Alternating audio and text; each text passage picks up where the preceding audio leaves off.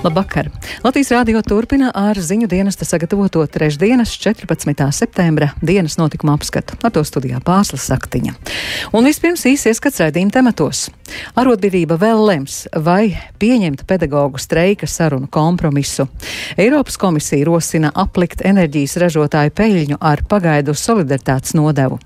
Ienākumi netiek līdz cenu pieaugumam, mudina pārskatīt garantēto minimālo ienākumu, sociālā nodrošinājuma pabalstu un minimālo pensiju disbalans, inflācijas spiediens neradīs. Ja.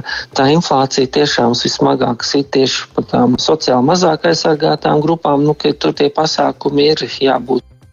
Energokrīzes dēļ studentiem draud attālinātas mācības. Studentu apvienība uzsver, ka nedrīkst ciest mācību kvalitāte. Mācīties klātienē, ja man nepatīk mācīties klātienē, es ietu attālināt. Man arī labāk patīk klātienē. Tās labāk kontakts ar pasniedzējiem, vairāk var saprast. Attālināt, nu, nav tas. Latvijas izglītības un zinātnes darbinieku arotbiedrības un valdības pārstāvju sarunas par iespējamo papildus finansējumu pedagogiem un streika novēršanu turpināsies ceturtdien. No sarunu pārstāvju teiktā varēja saprast, ka meklēs jaunus risinājumus, kā sadalīt valdības piedāvāto papildu finansējumu pedagogiem. Un par to sīkāk pastāstīs Jānis Kīncis, kurš pievienojas studijā. Jāni, vai valdības un arotbiedrības pārstāvju sarunas nu, kaut nedaudz ir pavirzījušās uz priekšu? Jā, labvakar. Um, dzirdot šodienas vēstījumus, tāds iespējas īsti nerodas. Es atgādināšu, ka koalīcijas pārstāvju streika sarunu kompromisa piedāvājums ir nākamā gada budžetā paredzēt papildus apmēram 60 miljonus eiro, 3,7 no tiem mācību materiālu klāsta paplašināšanai, bet par 56,5 miljoniem eiro piedāvāts vispārējās izglītības un vidējās izglītības pedagoģu slodzē iekļaut arī darbus ārpus mācību stundām un likmi par šādu slodzi palielināt līdz 1200 eiro mēnesī. Tomēr Latvijas izglītības un zinātnes darbinieku arotbiedrības vadītāja Inga Vanaga neslēpa, ka arotbiedrības padomas vārdā bija cerējusi uz vēl kādu papildus finansējumu piesaisti arī cita veida pedagoģu interešu apmierināšanai. Tomēr viņi sarunās saņēmusi norādi, ka vairāk līdzekļu paredzēt nesot iespējams. Paklausīsimies Ingas Vanagas teikto. Jā, joprojām mums nav nekādu labu ziņu tām daudzām pedagoģu grupām. Īpaši pirmsskolām, kuriem ir gadiem vissliktākā situācija, jo skaidrs, ka arī, kā premjerministrs saka, tā nav maza summa, bet, kā mēs zinām, nu, droši vien, ka Ir jau vienmēr kāda maza kabatiņa, kur varbūt vēl, vēl atrast to finansējumu, praksa rāda, ka ir jau situācijas, kur ļoti, ļoti ātri atrod. Bet tad, kad tam cilvēkam vajag, tad tā mazāk. Bet mēs centīsimies tiešām meklēt risinājumus, lai mēs to naudu nepazaudējam, jo tā nav maza nauda. Arotbiedrības vadītāji atgādināja, ka uzstāja arī uz profesionālās ievirzes pedagoģu un augstākās izglītības mācību spēku interesēm. Savukārt izglītības un zinātnes ministre Anita Mūžniece no konservatīvajiem uzsvēra, ka tieši vispārējā izglītība gan Covid-19 pandēmijas, gan arī jaunā mācību satura ieviešanas dēļ ir skarta visbūtiskāk, tāpēc tā ir pirmā prioritāte - uzlabot mācību spēku dzīvi tieši šajā uh, jomā strādājošajiem. Uh, Mazāko bērnu skolotāju un citu mācību spēku intereses ministrijai ir labi zināmas, taču ar vienu piegājienu visas šīs ilgā laikā krātās problēmas nevarēs atrisināt. Paklausīsimies ministrs teikto par iespēju ātri risināt pirmskolas izglītības iestāžu problēmas. Arī pirmsskolās jautājums ir prioritāri risināms kā nākamais. Tur ir šobrīd neliela sarežģījuma ņemot vērā, ka pamatā no pusotra gada līdz četru gadu veco bērnu pedagogiem atalgojumu maksā nevis valsts, bet pašvaldības. Uzlikt vēl papildus aptuveni 36 miljonu slogu. Tātad, izpildot šo prasību, mēs šodien konstatējam, ka mums ir nepieciešama vēl viena diena iespējams kādiem pielāgotākiem risinājumiem. Joprojām es ļoti ceru, ka mēs spēsim rast kompromisu, lai izvairītos no streika. Tātad šobrīd šie centieni vienoties ir, varētu teikt, nedaudz iebuksējuši par koalīcijas piedāvātā finansējuma iespējumu pārdali un arī ar, ar, arotbiedrības centieniem panākt, panākt mācību spēka darba samaksas pieaugumu grafiku turpmākajiem gadiem. Sarunas turpināsies ceturtdien. Un, No šo sarunu iznākuma atkarīgs, vai nākamnedēļ sāksies solītais pedagoģu beztermiņa streiks. Tas nozīmē, ka rīt mēs varētu uzzināt, būs vai nebūs streiks. Rīt vai tuvākajās, vai arī piekdien mm. līdz nākamajai nedēļai Jā, paldies Jānis Kincis par jaunāko saistībā ar arotbiedrības un valdības streika novēršanas sarunām.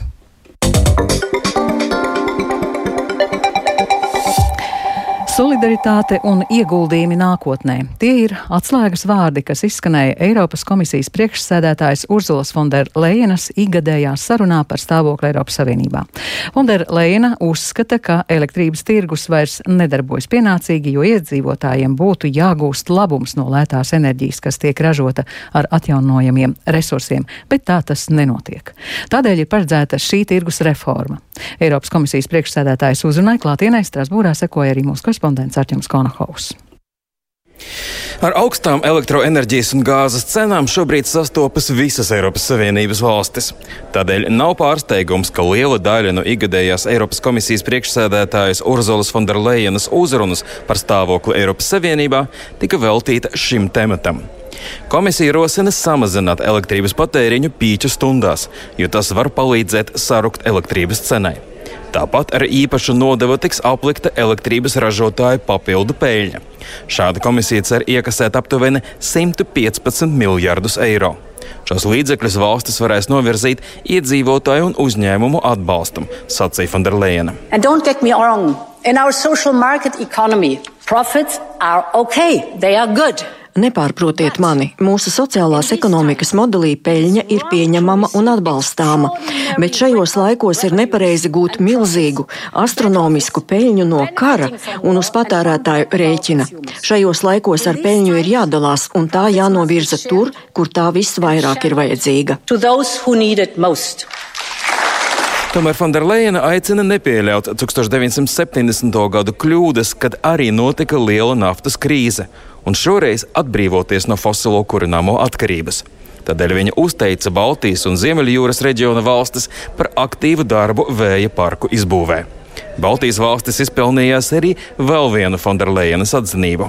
One lesson from this war is we should have listened Viena mācība no šī kara ir, ka mums vajadzēja ieklausīties tajos, kas pazīst Putinu. Tā ir Anna Poļitkovska un visi krievu žurnālisti, kuri izgaismoja noziegumus un samaksāja par to augstāko cenu. Tie ir mūsu draugi Ukrainā, Moldovā, Gruzijā un opozīcijas kustība Baltkrievijā. Mums vajadzēja ieklausīties tajos, kas par šo runāja arī mūsu savienībā, Polijā, Baltijas valstīs un visapkārt centrālajai un austrumu Eiropai. Viņi gadiem mums ir teikuši, ka Putins neapstāsies. Putin Eiropas parlamenta deputāte Dāca Melbārda to uzskata par būtisku atziņu.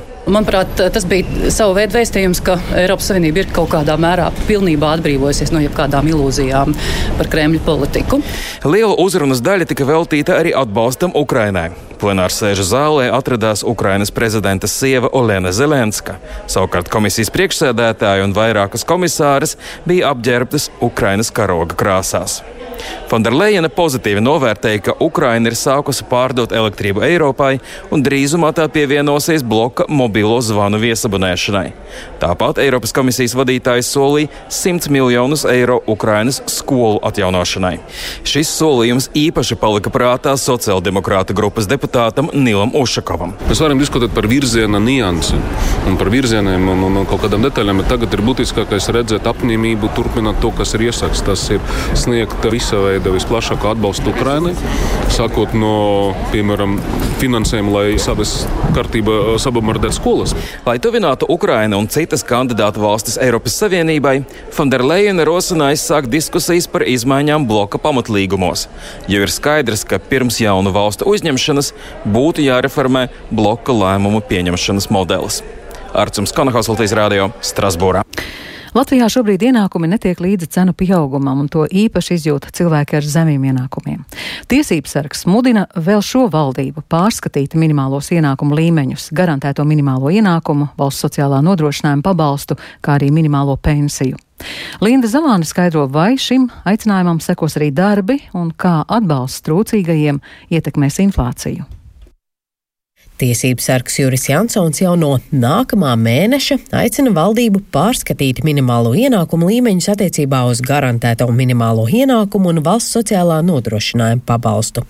Labklājības ministrs Gattis Eglītis no konservatīvās partijas pauž, ka ministrija plāno rosināt jau no janvāra nākamo kāpienu attiecībā uz atbalstu trūcīgajiem iedzīvotājiem. Tas nebūs skaitliskā izteiksmē, kāds ir 21. gadā, kam tika nofiksēti šie līmeņi, bet tie būs procentuāli no vidējiem mediāna ienākumiem. Pārliecināts, ka mums, veidojot budžetu, nākamā gada budžetu, vēl aizējošajai valdībai izdosies arī iekļaut nepieciešamo finansējumu, lai mēs varētu realizēt šo minimālo ienākumu līmeņu reformu. Tam no valsts maka nepieciešami aptuveni 60 miljoni eiro. Attiecībā uz pensionāriem saima jūlijā lēma valsts pensiju indeksāciju veikt divus mēnešus agrāk, proti jau augustā, pensiju palielinot vidēji par 23%. Tas ir 70, 80, es zinu, 100 eiro mēnesī, kas ir nākuši klāt. Tomēr tiesības sargs aicina valdību nodrošināt, ka minimālās pensijas un valsts sociālā nodrošinājuma pabalsta pieaugums sasniedz iedzīvotājus jau janvārī, nevis maijā, kā ieplānots iepriekš. Šo cilvēku minimālā ienākuma līmenis aizvien tiek rēķināts pēc četrus gadus veciem statistikas datiem.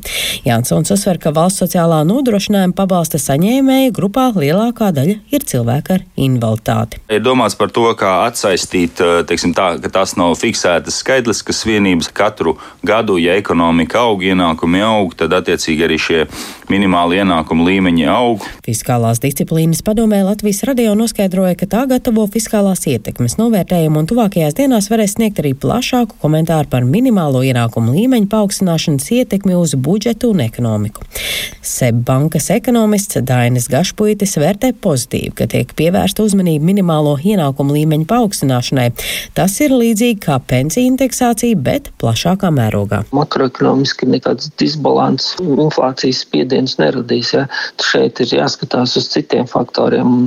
Tas, ka, protams, ka tā inflācija tiešām vismagāk sit tieši par tām sociāli mazāk aizsargātām grupām, nu, ka tur tie pasākumi ir jābūt tomēr nu, mūsu spējas palīdzēt, nu, arī uzlabojās. Tie līmeņi nav tādi, par kuriem mums tagad tā jāuztraucās, ka tas radītu nu, tādu pārmērīgu disbalanss, ja kurš pārliek augstu pabalstu tiks atcelt. Tas nedaudz tikai pievelk līdz nokompensē kaut ko, kas jau ir noticis. Gašpuitis pauž, ka šī gada budžets pildās labi un ar pieaugumu, protams, vienmēr ir aktuāls jautājums, kā sadalīt visas nepieciešamības, un tā ir politiskā izšķiršanās, kā sadalīt prioritātes. Tomēr, ņemot vērā augsto inflāciju, viņuprāt, atbalsts mazāk nodrošinātajiem ir nepieciešams un nav jāmeklē argumenti tam, ka tas veicinās papildus inflāciju. Linda Zalāne, Latvijas radio. Universitāšu studentiem divas pandēmijas ziemas nācās mācīties attālināti, bet šoruden viņi atgriežas auditorijās. Negaidīt daudziem ir jaunumi, ka šajā mācību gadā atkal vajadzēs lekcijas klausīties un skatīties datorekrānā. Šoreiz gan vainīga ir energoresursu krīze, ko izraisīs karš Ukrainā. Vairāku Latvijas augstskolu vadība jau paziņojusi, briestošie rēķini par elektrību un apkuri ziemā tām nebūs paceļami. Ko par šo situāciju saka studenti un augstskolu vadība, skaidroja Ieva Puķe. Man personīgi patīk mācīties klātienē, ja man nepatīk mācīties klātienē, es ietu attālināt. Man arī labāk patīk klātienē. Tās labāk kontakts ar pasniedzējiem, vairāk var saprast. Attālināt, nu, nav tas.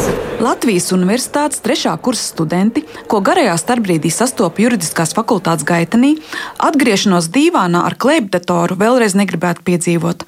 Taču mācību iestādes rektors Indriķis Mūžnieks skaidro, siltumenerģijas izmaksas labākajā scenārijā šeit pieaugs par 80%, sliktākajā par 290%, tātad gandrīz trīs reizes. Izēja lielākajā spelgonī sildīt telpas minimālā režīmā un students laist mājās. Ja tāds sliktākais scenārijs iestājās, tad līdz decembra vidum jāpaveic tas, kas ir pirmajā rudens semestrī, un pavasara semestrī mēs varam mēģināt sākt eh, vēlāk ar mārtu. Mums ir divas trešdaļas maksājošie studenti. Viņu šī brīža perspektīva ir, protams, arī īpaši skarba. Rīgas Tehniskās Universitātes administratīvā departamenta direktors Juris Iļņins nosauca summu, ko viņa augstskolai varētu maksāt šīs apkurses sezonas cenu sadārdzinājums - 2,5 miljoni eiro. Tehnoloģiju universitāte ar robotiem, skaitļošanas centriem un laboratorijām Iļņins salīdzināja ar ražošanas uzņēmumu. Mēs droši vien pāriesim uz četru dienu klātienes darbu, un no piekdienas droši vien būs jāpavada attālinātā režīmā. Tā ir tā pirmā lieta. Un otrā lieta, protams, ko mēs skatāmies, ka tajos bargākajos ziemas mēnešos, kas ir decembris, janvārs, februārs, iespējams, ka universitāte tādā vienā vai otrā veidā būs nosacīti jāvar ciet. Ja RTU un LU vadītāji secina, ka energotaupības pasākumi tojošās ziemas skarbo prognozi varētu ietekmēt tikai nedaudz, tad Liepājas Universitātes attīstības direktors Uldis Zupa stāsta par plāniem samazināt siltuma līmeni iekštelpās likumdošana atļautajās robežās līdz 18 grādiem. Taupot apgaismojumu, vienlaikus sēkās paredzēts organizēt visus iespējamos procesus, ne tikai studijas, bet piemēram arī telpu uzkopšanu. Sadārdzinājums varētu sasniegt 190,5 tūkstošus eiro, taču universitātes budžetu, tas nenoliedzami ietekmēs. Vai taupības pasākumiem pievienosies arī attālinātās studijas? Uldis Zupa to neizslēdz. Nelielas universitātes skaistums ir tas, ka mēs varam būt ļoti elastīgi. Un faktiski jau tā jau tagad, paskatoties lekciju sarakstā, mēs varam redzēt, ka studentiem ir ieplānotas attālinātās lekcijas, kas ir loģiski, īpaši, ja šis pasniedzējs nav vietējais, nav liepājnieks, ja viņam būtu jābrauc no Rīgas vai vēl no kaut kurienes, tad šis process jau notiek. Valsts dibinātajām universitātēm, atšķirībā no privātajām augstskolām, finansiālu atbalstu energoresursu izmaksu sadārdzinājumam likumdošana neparedz. Lai risinātu energokrīzi, Latvijas Universitāšu asociācija ir vērsusies pēc atbalsta atbildīgajās ministrijās, taču palīdzība līdz šim nav solīta. Ieva Puķa, Latvijas Rādio. Komentējot izskanējušo informāciju, ka augstskolas kādā brīdī varētu ieviest attālinātās studijas, Latvijas studentu apvienības prezidents Rudolfs Aleksandrs Strots sarunā ar Ievu Puķi norāda, ka izprot energocenu kāpumu, taču taupīšana nedrīkst pazemināt studiju kvalitāti.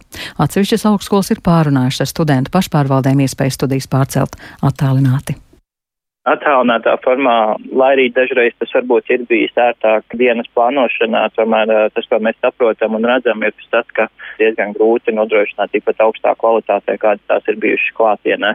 Attālinātu studiju formātu mēs droši vien, vismaz kā izplatītāko formu, noteikti nevēlētos redzēt, un arī šobrīd, ja nemaldos, ministra kabineta noteikumi ierobežo lekciju īpatsvaru, kas varētu norisināties attālināti. Saprotam iemeslus, no kā izriet šī energoresursu krīze kopumā, kas ir faktiski Krievija. Ar bažām gaidām ziemu, tāpat kā tik viens Latvijas iedzīvotājs. Tas, kas trūka visvairāk, un tas trūks gandrīz ik vienam, ar ko es esmu runājis, ir šī saikne ar uh, kursabiedriem kursa biedri, ir ne tikai kursa biedri, bet viņi arī ļoti bieži ir šis atbalsts pēc kā tiekties gan tajā brīdī, kad pašam cilvēkam ir emocionāli slikti, gan arī studiju kontekstā, kad ir grūtības uzrakstīt esēju, var atrast kādu kursa biedru, kurš ir gatavs sēdēt ar tevi bibliotekā līdz vēlai naktī un kopīgi izdarīt to studiju darbus studējošajiem attālināto studiju laikā ir zudis viens no šiem atbalsta mehānismiem. Vai ir arī bažas jūtot, ka krītās studiju līmenis vai ir grūtības šādā veidā varbūt apgūt tās vajadzīgās prasmes, vai arī, ka varētu būt problēmas integrēties darba tirgū? Tas ir ļoti atkarīgs no nozares neteiktu, ka tas kvalitātes līmenis varbūt būtu tā krasi krities, cietis viņš noteikti ir. Tas vienkārši uz tā rēķina, ka vajadzēja pasniedzējiem laiku pielāgoties pie gan jauna pasniegšanas formāta, gan meklēt jaunus materiālus un pasniedzēji idejiski spējīgi pasniegt studijas kvalitatīvi, vismaz sociālajās komunitārajās zinātnēs noteikti attālinātā formātā. No ekstraktajās zinātnēs tā situācija nedaudz sarežģītākā pieejamību laboratorijām un uh, studiju materiāliem klātienē tas, kas arī jāsaprot, ka arī akadēmiskajam personālam, es teikšu, šiem pasniedzējiem ir ļoti smagi vadīt lekcijas desmitiem cilvēku. Viņi labākajā gadījumā redz vienu, divus, trīs cilvēkus savos tajos mazajos ekrāniņos, sēdēt vienam pašam faktiski telpā pie datora un uh, mācīt. Satversmes tiesa atteikusi ierosināt lietu pēc Daugavpils domas pieteikuma, ar kuru tā apstrīdēja pienākumu demontēt totalitāros režīmus slavinošus objektus. Satversmes tiesa norāda, ka pašvaldības pienākums finansiāli iesaistīties šo objektu demontāžā ir pakārtots noteiktiem likumam. Savukārt lūgums apturēt apstrīdētā regulējuma darbību nav neregulēts procesuāls jautājums, kuru Satversmes tiesa būtu tiesīga izlemt. Satversmes tiesas lēmums par pašvaldībām atbildīgajai ministrijai nav pārsteigums, norāda ministrs Artūrs. Artūrs Toms Plešs no attīstībai par. Jebkurā gadījumā tas skaidri parāda to, ka Daugopilī jau bija jārīkojās iepriekš. kas attiecās uz Daugavpils domes un Elstaņa kunga iesniegto grafiku, tad jā, mēs šo grafiku esam saņēmuši. Nu, šeit ir jāatzīmē to, ka priekšsēdētājiem likums ir jāpild no pirmās dienas un ir diezgan žēl, ka tikai pēc ministrijas un arī mana personīgi atkārtotas spiediena panāca to, ka Elksniņš un Daugavpils doma likumu ievēros. Tādā ziņā mēs varējām iztikt bez divu mēnešu gara juridiski pingpong. Jebkurā gadījumā ministrija, ņemot vērā arī līdzinējo saraksti un, tā teikt, uzraudzību Daugavpils pilsētu ļoti rūpīgi sekos līdzi tam, kādā veidā šie darbi tiek īstenoti, un ja mēs redzēsim, ka ir kaut kādas problēmas, vai vilcināšanās, vai citi apstākļi, mēs noteikti rīkosimies. Eiropas Savienība aizliegs visus produktus, kas izgatavot izmantojot piespiedu darbu. Kā paziņojas Eiropas komisijas tirzniecības komisārs Valdis Dombrovskis, šis būs viens no veidiem, kā cīnīties ar mūsdienu verdzību, kas ietekmē miljoniem cilvēku visā pasaulē. Stāstuģis Lībētis. Eiropas komisijas paziņojumā norādīts, ka šāda ierosinājuma galvenais mērķis ir aizliegt un aizvākt no Eiropas Savienības tirgus visus produktus, kuru izgatavošanā izmantots piespiedu darbs, neatkarīgi no tā, kurā valstī šis produkts tapis. Lai arī neviena valsts vārdā nav nosaukta, komentētāji uzskata, ka Eiropas aizliegums īpaši ir vērsts pret Ķīnu. Pekinas valdība tiek apsūdzēta Uiguru minoritātes pārstāvu paverdzināšanā Sinzienas provincē, kura ir viena no lielākajām kokvilnas ražotājām pasaulē, kā arī nozīmīgs piegādātājs saules paneļu granuļu ražotājiem. Eiropas Savienības plāns ļaus nacionālajām muitas iestādēm uzsākt izmeklēšanu par produktiem, ja būs pamatotas bažas par piespiedu darbu izmantošanu. Lai mudinātu vietējos cilvēkus jaunām idejām un arī pašiem domāt, ko darīt savas dzīves vides uzlabošanai, tagad septembrī nevalstiskā organizācija Valmieras Novda fonds rīko iedzīvotāju tikšanās jeb domrades. Viena no šīm vietām, kur notika iedzīvotāju domrade, ir Seda. Mazpilsēta, kur lielākoties latviešu valodu nedzirdēt un par kuru nereti iebraucēji saka, ka tajā ir apstājies laiks. Vai vietējie iedzīvotāji ir gatavi kaut ko mainīt? To klāteso domradē skaidroja vidzemes korespondente Gunta Matisone. Lielākoties uz šo tikšanos atnākuši gados jauni cilvēki. Aprunājos ar kultūras namu pasākumu organizatori Artu Šomas. Pirmais, ko viņi uzsver, ir jāsaprot, ka te ir gan cita mentalitāte, gan gadiem iegājies savs dzīves ritms un skatījums. Šobrīd ar visu to, kas notiek mūsu apkārtnē kaimiņu valstīs ar Ukrainu, ja, es varētu teikt vienu, ka arī šeit sadā kaut kas mainās. Varbūt eh, vairāk es dzirdu latviešu valodu, vairāk es jūtu, ka cilvēki par kaut kādām lietām domā, bet viņi nerunā šobrīd vēl. Ja. Viens jau kas pārsteidz ir tas, ka uz Domradi atnākuši gados jauni cilvēki, jo iepriekš bija priekšstats, ka uz ielas te var satikt tikai cilvēks jau ļoti cienījamos gados. Bet sākot sarunu, man iebilst divas Domradas dalībnieces Viktorija Bruņina un Laura Liepa. Tas tiešām stereotips, ka tikai pensionāri te dzīvo, rekur jaunie cilvēki arī dzīvo. Sadai ir potenciāls, kurš vēl nav atklāts līdz galam. Jaunās sievietes uz šo tikšanos jau nākuši ar konkrētiem priekšlikumiem un idejām. Vispirms mēs, es domāju, ka Laura piekritīs, ka mēs domājam par bērniem. Piemēram, normālu bērnu laukumu mums nav. Ir ļoti labs stadions, kurš arī ir eh, aizmirsts būtībā, kuru vajadzētu atjaunot, lai būtu jaunatnē, kur iet sportot. Un savas idejas ir arī sedēnietim Arsenijam Cepeļovam. Es domāju, ka mūsu pilsētā, tieši mūsu pilsētā, būtu vajadzīgs kaut kāds bērnu vai jauniešu centrs. Un es uzskatu, ka mūsu pilsētā ir ļoti daudz pietiekamu pašvaldības ēku un telpu, lai tādu centru varētu izveidot. Ārta Šamas, kur vairāk pazīst šejienes cilvēks, vērtē, ka ir vajadzīgs līderis tā paudze, kas šobrīd nāk, ja arī tie, kas ir domradē atnākuši, viņi ir tie, kas kaut ko grib. Un varbūt kaut kāda līderu grupa ir vajadzīga. Ja? Nu, man liekas, ka šobrīd viņi arī veidojās. Valmijas novada fonda tikšanās reizēs izskanējušās iedzīvotāju idejas ir arī iespēja realizēt projektu konkursā sev tev novadam. Tā tad var iegūt finansējumu. Bet vai sedēnieši būs gatavi arī paši savus iecerus realizēt? Es būtu ar mieru to izdarīt. Es arī varētu organizēt komandu. Mums ir pieredze bijusi ar vienu mazu projektu, jau uzrakstījām tā, ka vēlme ir. Šī bija arī pirmā reize, kad veidojot sižetu par šīs mazpilsētas iedzīvotājiem, varēja iztikt tikai ar latviešu valodu. Gunta Matisona Latvijas rādio vidzemē. Izskan dienas notikuma apskats, producents Viktors Pupiks, ierakstus montēja Renārs Steimanis, par labskaņu rūpējās Iveta Zvejniece, ar jums runāja pārslas aktiņu un īsi par svarīgāko. Arotbiedrība vēl lems vai pieņemt pedagoģu streika sarunu kompromisu. Eiropas komisija rosina aplikt enerģijas ražotāju pēļņu ar pagaidu solidaritātes nodevu.